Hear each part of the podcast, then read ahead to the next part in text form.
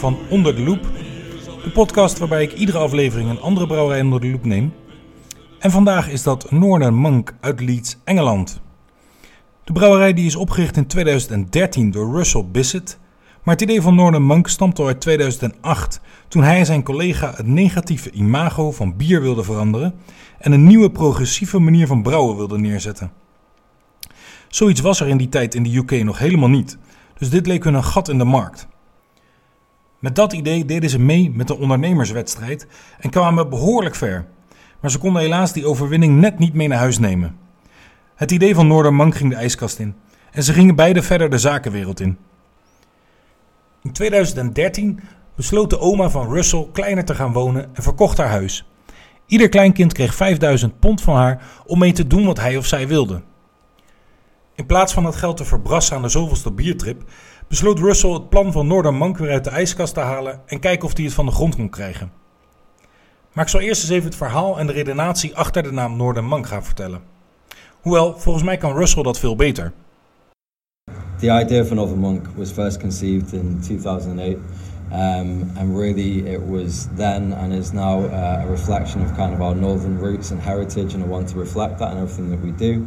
Um, but also an appreciation of uh, the history and heritage of brewing, particularly monastic brewing, which was practiced across the UK as well as Europe and parts of the world for thousands of years. I think it's really overlooked as a UK brewing practice, but you know, just down the road we've got Kirkstall Abbey, um, we've got Fountains Abbey as well, all of which had active uh, breweries. Het noordengedeelte is dus vrij duidelijk. Trots op hun noordelijke roots willen ze die eren en recht aandoen en dat in combinatie met een grote waardering voor het kloosterlijk brouwen.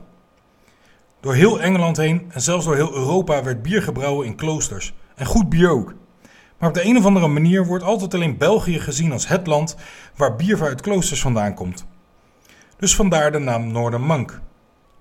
En met zo'n naam zou je dus denken dat ze zich zouden specialiseren in typische abdijbieren, zoals de enkel, de dubbel, de trippel. Maar niets is minder waar. Ze hebben zich gespecialiseerd en meester gemaakt in de IPA-stijl en de Russian Imperial Stout-stijl. Maar goed, terug naar 2013. Russell had dus die 5000 pond op zak en een goed businessplan. Hij contacteerde award-winning thuisbrouwer David Bishop om samen met hem dit avontuur aan te gaan. Bishop zou zich gaan bezighouden met nieuwe bieren bedenken en brouwen, terwijl Russell aan het merk zou gaan werken. Ze kwamen er alleen al heel snel achter dat 5000 pond bij lange na niet genoeg is om een brouwerij mee te bouwen. Dus werd er besloten voor cuckoo brewing, oftewel gypsy brewing of huurbrouwen. Dit huurbrouwen deden ze bij Hambleton Ales, een brouwerij niet ver van hun woonplaats vandaan. Hamilton maakt traditionele Engelse bieren die op kask worden gezet om in de pub met een handpomp in het glas te komen van de traditionele Engelse bierdrinker. Ze waren dus absoluut niet gewend om die moderne bieren die Noordermank wilde maken te brouwen en waren zelfs bang dat de brouwapparatuur het zou begeven door de manier waarop Russell en David het wilden hebben. Ondanks dat het bier er niet helemaal uitkwam zoals ze in eerste instantie gehoopt zouden hebben, was in 2013 het lanceerfeest van Noordermank toch echt een feit. Met twee bieren, de New World IPA en de Stranic Stout. Vanaf toen werd er vanuit de kelder van het ouderlijk huis van Russell verder zaken gedaan en werd Noordermank bier steeds populairder. In die begintijd verkochten ze hun bier nog zelf op boerenmarkten. Maar de vraag en populariteit van de Noordermank bieren bleef stijgen. Zoveel zelfs dat na een aantal maanden brouwer David het niet meer kon combineren met zijn thuisleven en besloot ermee te stoppen. Maar ondertussen had Russell wel een paar investeerders aangetrokken en wat kapitaal bij elkaar gesprokkeld om een eigen brouwerij te kunnen starten. Na lang zoeken kwam hij terecht in een 160 jaar oud gebouw wat in het hart stond van waar ooit de industriële revolutie had plaatsgevonden. Een gebouw waar vlas was verwerkt tot linnen, vlak achter een grote vlasmolen.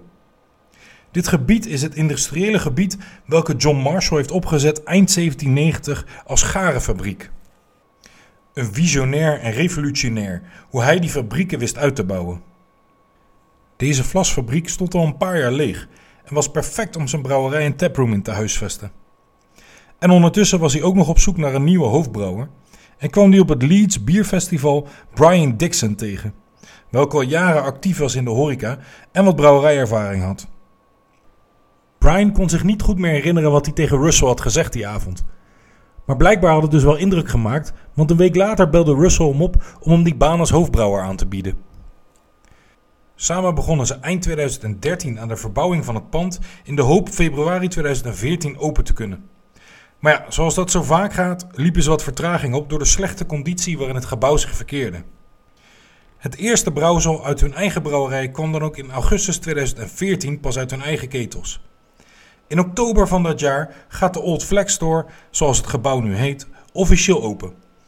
Een brouwerij op de begane grond, een taproom op de eerste verdieping en op de tweede verdieping een ruimte voor exposities en bruiloften en dergelijke. De productie en populariteit van Northern Monk gaat heel hard. Elk jaar verdubbelde de omzet en wordt de vraag naar hun bier groter. Eén bier van ze staat in de top 100 van beste bieren ter wereld. En zelf als brouwerij zijnde staan ze ook in de top 100 van beste brouwerijen ter wereld. Althans, volgens website Ratebeer. De vraag naar hun bier is zoveel groter dan dat ze aankunnen. Alleen is uitbreiden in de Old Flag Store heel erg lastig. Plafonds zijn laag en de ruimte is gering. Hier kon dus geen winst meer worden behaald. Maar op loopafstand van de brouwerij bevond zich nog een ander leegstaand pand wat ze konden kopen om een tweede brouwerij neer te zetten. In 2017 spendeerden ze ook een half miljoen pond om dat te kunnen realiseren. En met deze uitbreiding kunnen er 18 verschillende bieren tegelijkertijd gebrouwen worden. Maar toch was dat nog steeds niet genoeg. Begin 2018 lanceerden ze een crowdfunding voor zo'n half miljoen pond om de productie verder uit te breiden, een eigen kenninglijn aan te kunnen schaffen, een wild bierprogramma te kunnen starten. En wanneer er meer geld zou worden opgehaald, dan zou er nog gekeken kunnen worden naar een eigen pub. Het liefst Manchester of Londen. In maart 2018 ging die crowdfunding online en binnen drie uur was het streefbedrag van een half miljoen pond al gehaald. Echt bizar. En na 13 dagen van de drie weken dat die crowdfunding zou lopen, was de anderhalf miljoen pond gehaald. En daarmee de crowdfunding dus gesloten. Ik denk dus dat we kunnen stellen dat Northern Monk ontzettend populair is. En die populariteit komt voornamelijk uit het feit dat ze zo ontzettend veel met de lokale community samen doen, denk ik. Zo hebben ze al een aantal jaar het Patrons Project lopen.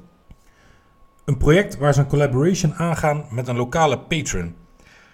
Dat kan een koffiebrander zijn, of een tattoo artist, of een andere brouwerij, een kunstenaar of zelfs een sporter.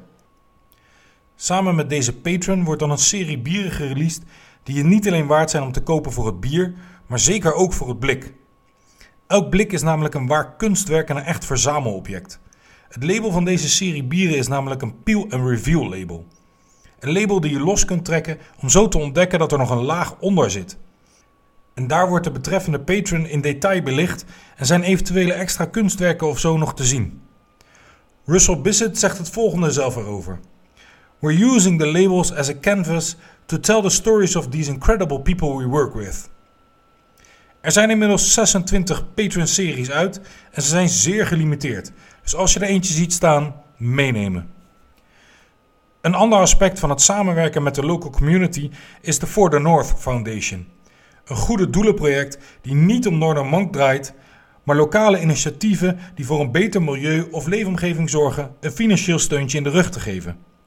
Dit goede doelenproject is gestart in september 2019 en de bedoeling is, is dat bedrijven of initiatieven zich kunnen inschrijven om een 5000 pond donatie te ontvangen van de For the North Foundation.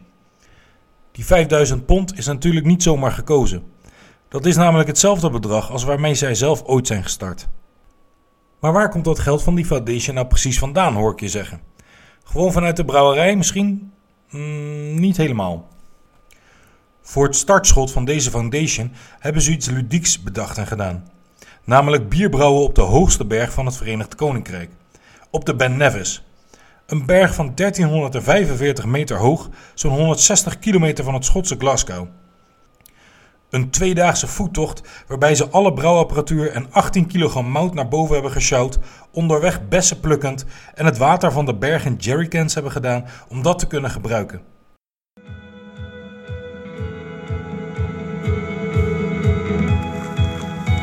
Complex Bristol, isn't it, Brian? What are you, what are you hoping to achieve? You want something like dark bit of chocolate, you're going for light roastiness, you're going for um, caramel and sticky toffee kind of flavours, some dark fruit.